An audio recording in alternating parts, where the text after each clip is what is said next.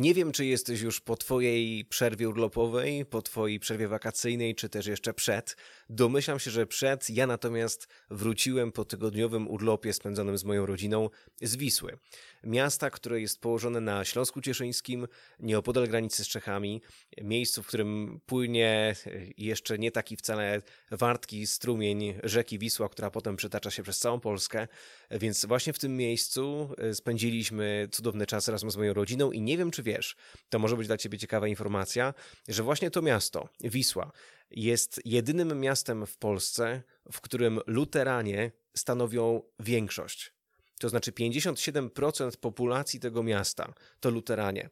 Katolicy stanowią zaledwie 21% populacji tej miejscowości, więc właściwie wszędzie, gdzie przechodzisz, wszędzie, gdzie idziesz, e, non-stop napotykasz na kościoły, które nie są kościołami katolickimi, choć oczywiście katolickie wspólnoty też tam funkcjonują. Miałem okazję zobaczyć jeden z kościołów katolickich przy okazji niedzielnej Eucharystii, ale jednocześnie razem z moimi przyjaciółmi ze wspólnoty odwiedziliśmy jeden z kościołów, nowo wybudowany kościół, e, w sensie budynek kościoła, kościoła ewangelickiego, więc historycznego kościoła protestanckiego, ale takiego kościoła, który zachwycił mnie swoim wyglądem, ponieważ był on dostosowany do współczesnych potrzeb, do współczesnych aranżacji, był nowoczesny, choć jednocześnie historyczny, protestancki.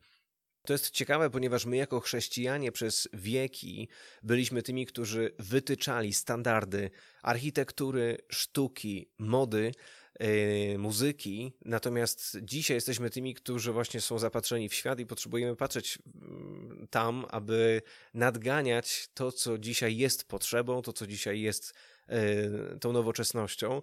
To znaczy dawniej to Kościół y, wiódł prym w tym, aby wyznaczać standardy, wytyczać e, normy i kształtować kulturę.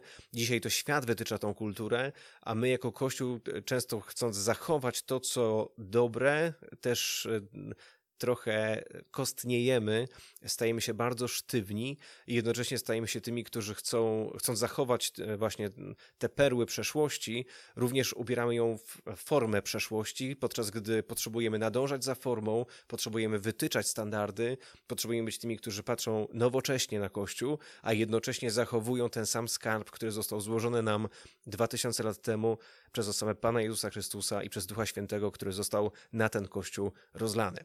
Tuż przed moim urlopem, podczas Bożego Ciała, miała miejsce sytuacja, e, która powtarza się co roku i którą obserwuję w ważniejsze święta katolickie i w ważniejsze uroczystości e, świata protestanckiego. Mianowicie zobaczyłem krytykę moich protestanckich braci właśnie e, tego święta Bożego Ciała i jednocześnie parę takich naprawdę przykrych uwag w stronę katolików, E, w związku z tym, że jest to dla nich ważne święto. Jednocześnie właśnie podczas chociażby święta reformacji regularnie każdego roku obserwuję moich katolickich braci, którzy wymierzają armaty i działa w stronę e, właśnie protestantów. I to jest coś, o czym chciałbym dzisiaj z Tobą porozmawiać i troszkę Ci nakreślić moją perspektywę tego, w jaki sposób powinno to funkcjonować w ciele Chrystusa, w jaki sposób powinniśmy patrzeć na siebie i krytykować siebie nawzajem. Więc dzisiaj tak naprawdę będzie o krytyce. E, o krytyce i tego, jak jej dokonywać, aby przez e, konstruktywną krytykę korygować błędy, które pojawiają się w naszym kościele. Zaczynajmy. Witam Cię w podcaście poświęconym jedności i charyzmatycznej odnowie Kościoła. To przestrzeń, która łączy ludzi, szczególnie tych, którym nie wszystko jedno, a którzy są gotowi w swoich domach, miejscach pracy i wspólnotach wiary budować mosty, łamać uprzedzenia i odważnie służyć odnowie Kościoła. Jedność to nie opcja, to szansa. Nie tylko w Kościele, ale też w naszych relacjach i społeczeństwie. Przekonaj się o tym i dołącz do społeczności ambasadorów jedności oraz tych, którzy pragną duchowej odnowy Kościoła w Polsce. Podpowiem Ci, jak to zrobić. Zapraszam, Karol Sobczyk.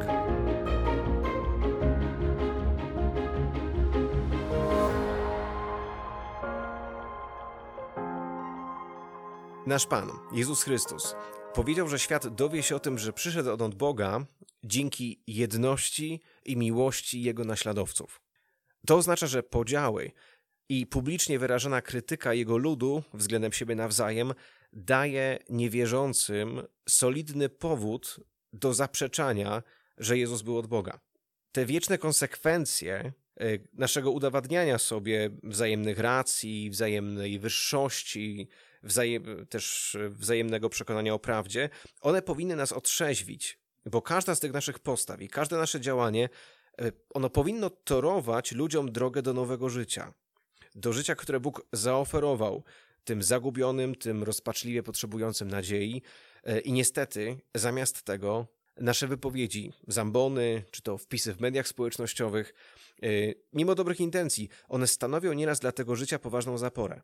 Jeśli jedyne drzwi, poprzez które ludzie mają możliwość wejść do Królestwa Bożego, są naprawdę wąskie, to dlaczego my, dlaczego chrześcijanie dodatkowo zabijamy je tak wieloma deskami? Niektórzy katolicy mówią, że przez bliskie kontakty z niekatolikami, że tracimy ludzi. Tak naprawdę jest wprost przeciwnie. Tracimy ich z powodu naszego podziału. Antyświadectwo, jakie dajemy światu, ono totalnie rujnuje naszą autentyczność i limituje miłość, która ma szansę rozlewać się w świecie przez Kościół. W 2018 roku świat obiegła informacja o nadużyciach seksualnych głównego pastora jednego z największych kościołów protestanckich w Stanach Zjednoczonych. Ta afera wstrząsnęła całą tamtejszą wspólnotą e, i miała też swoje reperkusje właściwie na całym świecie, w środowiskach ewangelicznych różnych e, części globu. Rok później światło dzienne ujrzał dwugodzinny film dokumentalny, który zmienił postrzeganie Kościoła katolickiego w Polsce. Dobrze wiesz, o którym filmie mówię. E, w tym filmie ukazano skandal wielu przestępstw seksualnych, które na przestrzeni e, ostatnich trzech dekad dopuścili się księża Kościoła katolickiego, e, ale też raniące postawy niektórych biskupów, którzy zamiast podejmować kroki wyłączenia kapłanów z dalszej posługi duszpasterskiej, przenosili księży na parafię do innych miejscowości. I Kościół katolicki w Polsce, y, on stanął w miejscu naprawdę poważnego kryzysu. Takie momenty, bez względu na to, w jakiej wspólnocie kościelnej mają miejsce, są papierkiem lakmusowym naszej miłości do ciała Chrystusa. Zarówno w pierwszej, jak i w drugiej sytuacji, y, zarówno tej z y, tym amerykańskim pastorem, jak i z tym katolickim filmem, byłem świadkiem wielu kąśliwych komentarzy, nawet całych kazań, które próbowały, używając tych przykrych realiów, zdyskredytować poszczególne wspólnoty chrześcijańskie. Katolicy krytykowali protestantów, protestanci krytykowali katolików. W takich chwilach, kiedy grzech Kościoła zostaje obnażony na oczach całego świata, nie ma nic gorszego niż wytykanie błędów ze strony pozostałych braci, aby wskazywać na swoją prawowitość. To jest kopanie płaczącej, zawstydzonej i zhańbionej przez potępienie oblubienicy. Przy niepodobnej sytuacji e, nasz mistrz, Jezus Chrystus, zachował się zupełnie przeciwnie, kiedy skierował wezwanie do stojących w koło oskarżycieli i powiedział, że kto z was jest bez grzechu, niech pierwszy rzuci kamień. Poznałem zarówno katolików, jak i protestantów, którzy deklarują swoją gotowość do budowania jedności, ale chcą to robić na swoich warunkach. Znaczy na takich warunkach, w których służąc osobom z bratnich kościołów, nie stronią od krytykowania tego, z czym absolutnie nie mogą się zgodzić. Czynią to oczywiście w dobrej wierze. Oni liczą, że to pomoże oczyszczeniu kościoła z tego, co niewłaściwe. Ale osobiście sądzę, że to jest naprawdę błąd. Błąd, który nikomu nie służy. Błąd, który buduje dystans i nie pozwala nam kroczyć razem serce w serce. Bo wiesz, nikt z nas nie lubi, kiedy nasz sąsiad, w trosce o wygląd całej dzielnicy, krytykuje to, jak wygląda nasz ogród. Myślę, że jako chrześcijanie potrzebujemy nauczyć się tej ważnej zasady. Jeśli chcesz służyć odnowie i chcesz służyć jedności Kościoła, to masz prawo krytykować wyłącznie własne podwórko. Wierz mi, jest w nim wystarczająco dużo spraw, które potrzeba jeszcze zmienić i udoskonalić, a więc lokuj siły w służbie tej rzeczywistości, do której powołał Cię Bóg. Myślę, że autentyczna wspólnota chrześcijańska nie potrzebuje rzucać cienia na inne wspólnoty, aby uwiarygadniać siebie. Wierzę, że potrzebujemy robić to, do czego zostaliśmy wezwani najlepiej, jak potrafimy, a z innymi budować jedność opartą o to, co już nas łączy. I wiesz, wówczas przykład naszego życia w pozostałych dziedzinach będzie mógł służyć Duchowi Świętemu, aby pozostałych braci inspirować do zmiany. Możemy być podzieleni w głowie, ale w sercu musimy być razem. Czy to oznacza więc, że powinniśmy pomijać różnice w naszych rozmowach, w naszych dyskusjach, Myślę, że nie. Ale o tym, co nas poróżnia, nie powinniśmy trąbić na dachach, ale dyskutować przy herbacie. Kiedyś biskup Andrzej Siemieniewski powiedział w ten sposób, że jeśli spotkałem się z moim bratem, jakiekolwiek miałby on przekonania i poglądy, jakiekolwiek miałby doktryny, w które wierzy, ale spotkam się z nim przy herbacie, to nie będę w stanie go od dzisiaj publicznie krytykować. Jeśli mam wrażenie, że rodzina mojej siostry popełniła jakiś błąd, to nie ogłaszam tego na mojej tablicy na Facebooku, ale umawiam się z nią na spotkanie, aby poprzez nawet trudne rozmowy odnaleźć wspólną perspektywę. To nie oznacza, że to się zawsze udaje.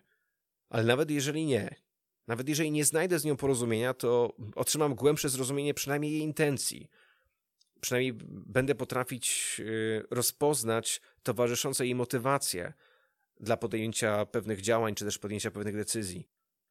I dzięki tej rozmowie wierzę, y, tej szczerej, osobistej rozmowie, ubogacę też ją swoją wrażliwością w tych dziedzinach. I wiem, że prywatnie mogę mieć w danym temacie zdanie inne niż ona. A jeżeli ktoś publicznie będzie ją atakować, zawsze będę stać w jej obronie, bo to moja siostra.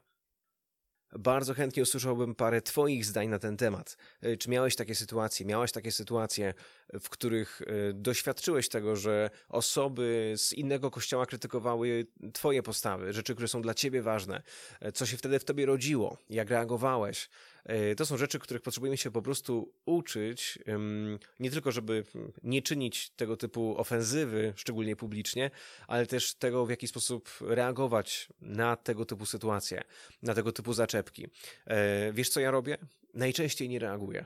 Najczęściej nie podnoszę ofensywy z drugiej strony, bo mam takie wrażenie, że to tylko i wyłącznie powoduje nabudowywanie muru, już i tak grubego, który funkcjonuje między nami, e, i tak naprawdę nie pomaga mi w tym, aby później trzeźwo spojrzeć na taką osobę, na jej intencje, na jej motywacje, na jej serce.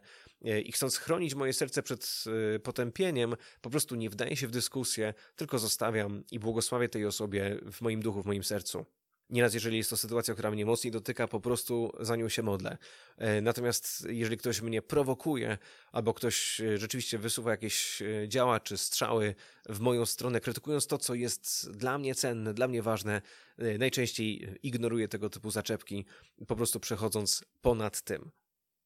Mam nadzieję, że będziemy mogli razem, wspólnie przez kolejne tygodnie E, budować tę kulturę w Polsce, która dzieje się, która ma miejsce przez tego typu działania jak nasze, e, służąc na rzecz jedności, budowania mostów, na rzecz wzajemnej kultury szacunku, uniżenia i też stawiania jednych drugich za wyżej stojących od siebie. E, jeśli chciałbyś stać się częścią tych działań, chcecie zaprosić, zachęcić i poprosić o wsparcie tego projektu, możesz znaleźć nas na naszym Patronajcie. Patronite projektu Nie Wszystko Jedno, ale też na stronie niewszystkojedno.pl E, w zakładce Wspieram możesz podjąć konkretne kroki, aby stać się częścią tego, tego dzieła, lub też śledząc nas na naszych mediach społecznościowych i na Facebooku, i na Instagramie, e, możesz obserwować, komentować, udostępniać e, i jednocześnie stawać się ambasadorem tych działań na rzecz jedności w naszym kraju.